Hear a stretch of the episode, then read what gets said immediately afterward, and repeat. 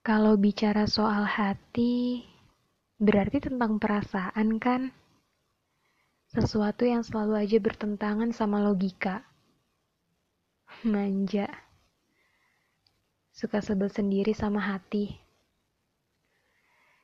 Pokoknya ribet deh kalau udah berurusan sama hal itu. Jangankan untuk ngerti hati orang lain. Bahkan sama hati kita sendiri aja kita nggak tahu maunya apa. Dan yang lebih parahnya, sebenarnya kita tahu maunya apa. Tapi kita nolak. Kita nolak buat pura-pura nggak tahu. Apa sih alasan yang bikin kita nolak sama apa maunya hati? Benar, alasan terbesarnya adalah takut. Takut kecewa, takut berekspektasi yang berlebihan. Takut karena apa yang hati kita inginkan belum tentu sesuai sama realitanya. Saya juga sering gitu kok. Termasuk soal perasaan saya ke lawan jenis. Sering banget dusta sama diri sendiri. Berusaha nolak apa maunya hati, tapi saya tahu saya nggak punya kuasa.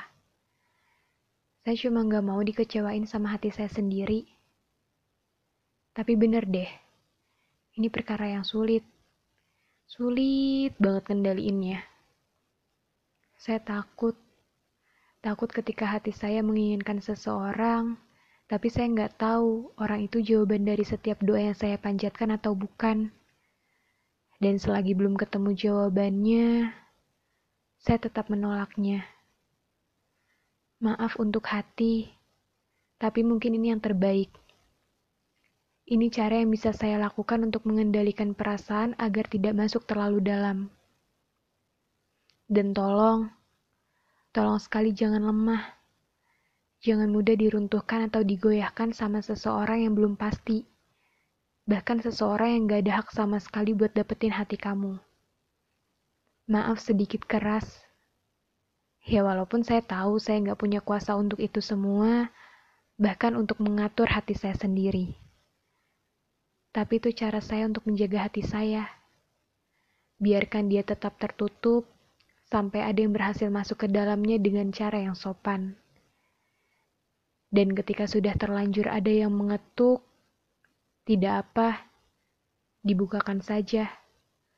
Tapi tolong, tempatkan dia di tempat yang seharusnya. Dan jangan biarkan dia masuk terlalu dalam. Karena mungkin dia hanya bertamu bukan sebagai penghuni. Dan yang namanya tamu bisa pamit dan pergi kapan saja. Ingat, gak semua yang masuk ke hati akan memilih untuk tetap tinggal, bahkan dengan tempat ternyaman sekalipun. Cara terbaik dari menjaga hati adalah berdoa kepada sang pemilik hati agar diberikan ketetapan hati untuk mencintai yang seharusnya dan cara menjaga hati seseorang yang kita cintai adalah dengan terus mendoakannya.